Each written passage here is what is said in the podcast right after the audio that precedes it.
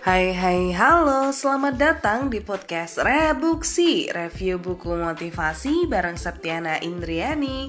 Halo semuanya ketemu lagi sama aku di podcast Rebuksi pada Rabu malam ini. Dan seperti biasanya di setiap hari Rabu malam dan Minggu malam Aku akan selalu upload untuk review buku motivasi di podcast Rebuksi pada episode sebelumnya di podcast Rebuksi, di episode minggu lalu, kita sudah mereview buku yang berjudul The Five I Am Club yang ditulis oleh Robin Sharma di mana buku ini membahas tentang Memulai rutinitas kegiatan harian kita dimulai dari jam 5 pagi. Karena jam, jam pagi itu masih jam-jam yang masih fresh ya. Jadi sangat tepat untuk memulai produktivitas. Karena kegiatan kita di hari itu adalah ditentukan oleh pagi kita. Seperti itu. Dan pada hari ini aku akan membahas salah satu buku motivasi Yang tentunya uh, untuk khusus episode ini tidak jauh beda dengan episode sebelumnya Di mana mana masih membahas tentang produktivitas, tapi yang ini adalah produktivitas yang biasanya itu dibilang sibuk, tapi ini menjadi produktif. Nah, kira-kira buku siapa yaitu? Yaitu adalah buku yang berjudul Smarter, Faster, Better. Ubah hidup dan tim Anda dari sibuk menjadi produktif yang ditulis oleh Charles Duhigg pada tahun 2016. Nah, kalau di buku yang sebelumnya, yang The 5 IM Club itu membahas produktivitas yaitu dengan membiasakan diri untuk uh, melakukan suatu hal yang produktif di pagi hari dimulai dari jam 5. Kalau yang ini itu menjelaskan cara mengembangkan produktivitas agar tujuan besar di hidup kita itu bisa tercapai seperti itu. Nah, kira-kira apa ya yang menarik dari buku ini? Buku ini sangatlah menarik karena penulis dari buku ini adalah Charles Charles Duhigg di mana beliau adalah lulusan Harvard Business School dan Yale College dan Beliau juga merupakan salah satu penulis buku terlaris yaitu The Power of Habit. Wah, luar biasa sekali ya. So, apa saja sih isi-isi dari buku Smarter, Faster, Better ini? Langsung saja kita bahas di Rebuksi. Sebenarnya apa sih arti dari produktivitas itu sendiri? Nah, produktivitas itu sebenarnya adalah bukan tentang uh, banyak hal yang kita kerjakan, tapi sebenarnya adalah bagaimana kita bisa memilih kegiatan-kegiatan kita agar ternyata kita itu tidak hanya sibuk saja, tapi benar-benar produktif dari kegiatan yang kita lakukan. Karena beda loh artinya produktif atau sibuk itu.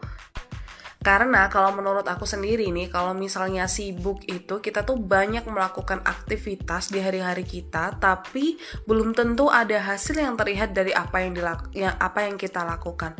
Tapi kalau produktif itu adalah kita memilih suatu kegiatan tertentu yang dari mana dari kegiatan yang kita lakukan itu menghasilkan sebuah hal baik itu dalam jangka pendek ataupun jangka panjang. Nah, sebenarnya tantangan yang berat dan harus kita dapatkan atau motivasi agar kita itu dapat bergerak lebih maju, berkembang dan lebih baik itu adalah salah satu tantangan yang berat untuk kita lakukan dalam artian untuk menjadi produktif itu nggak mudah. Namun, hal itu bisa kita lakukan ketika kita bisa menemukan motivasi yang tepat. Kata Charles Duhigg, motivasi dipicu oleh pengambilan keputusan yang menunjukkan bahwa kita memegang kendali dan bahwa kita bergerak menuju tujuan-tujuan yang bermakna. Perasaan determinasi diri itulah yang mendorong kita terus maju.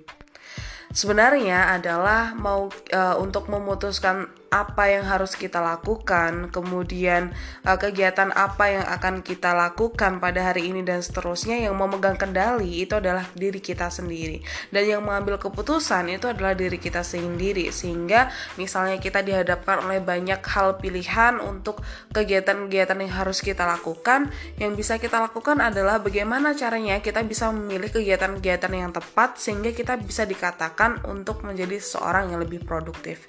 Tidak semua semua kegiatan yang misalnya dengan list yang sangat banyak kegiatan yang dilakukan itu bisa diselesaikan dalam waktu sehari tapi bagaimana caranya agar kita tetap produktif, kita bisa memilih kegiatan-kegiatan tertentu mana yang sekiranya bisa diselesaikan hari ini dan mana yang sekiranya bisa diselesaikan besok. Sehingga kita yang melakukan suatu hal itu tidak hanya karena kesibukan, tapi karena memang kita mau produktif seperti itu.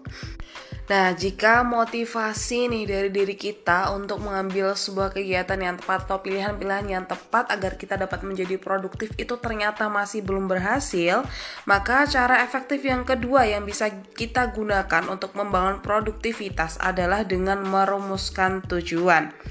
Nah, di dalam buku ini terdapat sebuah metode nih untuk membuat tujuan-tujuan yang tepat, yaitu SMART. Yang pertama adalah spesifik, yang kedua mudah diukur, kemudian yang ketiga akan tercapai, yang keempat realistis, dan yang terakhir adalah terencana waktunya.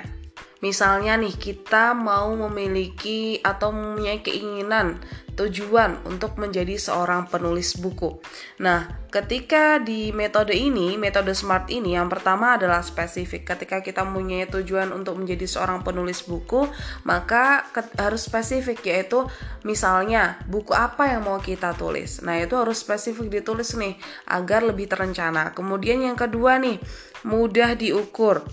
Mudah diukur artinya mudah dijangkau. Ketika kita memilih untuk menjadi seorang penulis buku atau memiliki tujuan menjadi seorang penulis buku, ketika kita sudah uh, menentukan spesifikasinya yaitu misalnya mau menjadi penulis buku fiksi, maka yang kedua adalah cara menentukan tujuannya adalah mudah diukur atau mudah dijangkau. Misalnya dengan kita cari banyak buku referensi tentang buku fiksi atau uh, banyak mengikuti uh, seminar-seminar tentang bagaimana cara menulis buku fiksi seperti itu.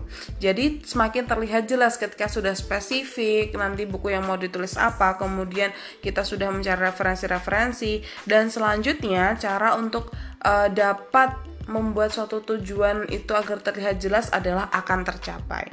Misalnya tadi sudah mengetahui nih uh, kita mau buat uh, atau menulis buku fiksi, kemudian kita harus cari referensi-referensinya agar mudah diukur. Nah, yang ketiga akan tercapai di mana kita bisa menginvestasikan sedikit waktu kita untuk mencapai tujuan itu. Kalau kita udah dapat referensi-referensi nih tentang buku fiksi atau buku yang mau kita tulis untuk mencari ide misalnya, maka selanjutnya agar tercapai kita perlu untuk mengosongkan waktu kita di pagi hari misalnya untuk membaca buku, untuk mencari informasi tentang bagaimana cara menulis buku fiksi ataupun untuk mencari info-info lainnya agar itu bisa mendekatkan kita dengan tujuan kita. Dan untuk yang selanjutnya adalah realistis.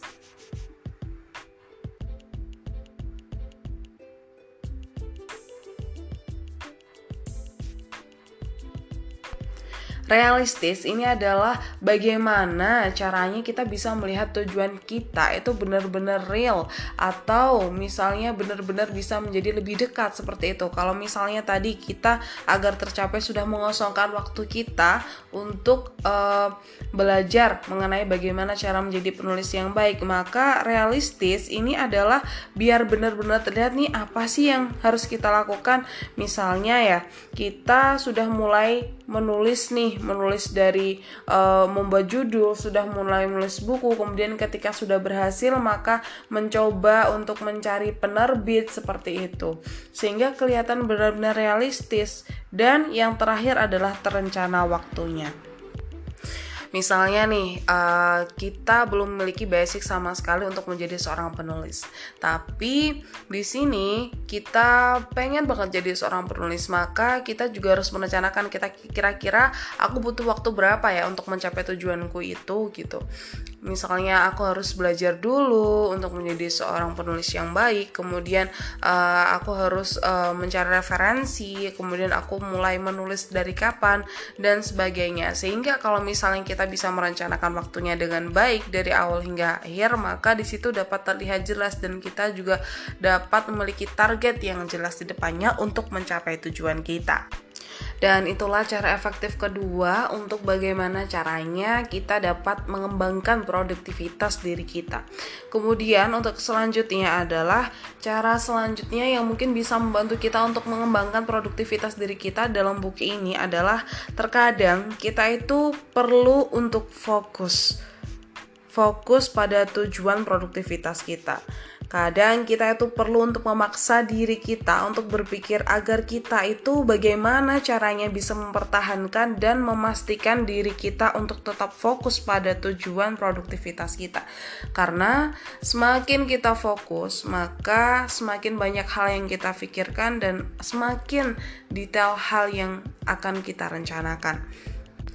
Dan yang selanjutnya yang juga bisa membantu kita untuk mengembangkan produktivitas kita adalah berpikir probabilistik. Itu akan membantu kita dalam membuat keputusan-keputusan yang lebih baik. Dan yang tidak kalah penting, yang terakhir adalah untuk mengembangkan produktivitas kita adalah bagaimana caranya untuk mempercayai diri kita sendiri untuk membuat kreativitas agar tetap mengalir. Sehingga hal ini bisa menjadikan kita untuk semakin produktif. Karena kepercayaan diri atau percaya kepada diri kita sendiri itu sangatlah penting. Dalam artian kalau misalnya kita nggak percaya kepada diri kita sendiri, maka bagaimana orang lain itu bisa percaya kepada diri kita kalau kita bisa memegang kendali atas pilihan-pilihan kegiatan yang kita lakukan agar tetap produktif, kemudian kita bisa untuk membuat suatu perencanaan dalam hal-hal uh, atau langkah-langkah mencapai tujuan kita dengan baik, kemudian kalau kita bisa fokus untuk melaksanakan kegiatan kita agar tetap produktif dan kita bisa melakukan semuanya dengan baik, tapi kalau misalnya kita tidak percaya dengan diri kita bahwa kita bisa melakukan itu dengan baik, maka hal itu akan sia-sia seperti itu. So, Itulah beberapa poin yang disampaikan di dalam buku ini. Sekian pembahasan rebuksi pada malam hari ini dan sampai jumpa di episode selanjutnya. Jangan lupa untuk selalu follow dan dengarkan podcast rebuksi di Spotify atau platform podcast lainnya. Terima kasih.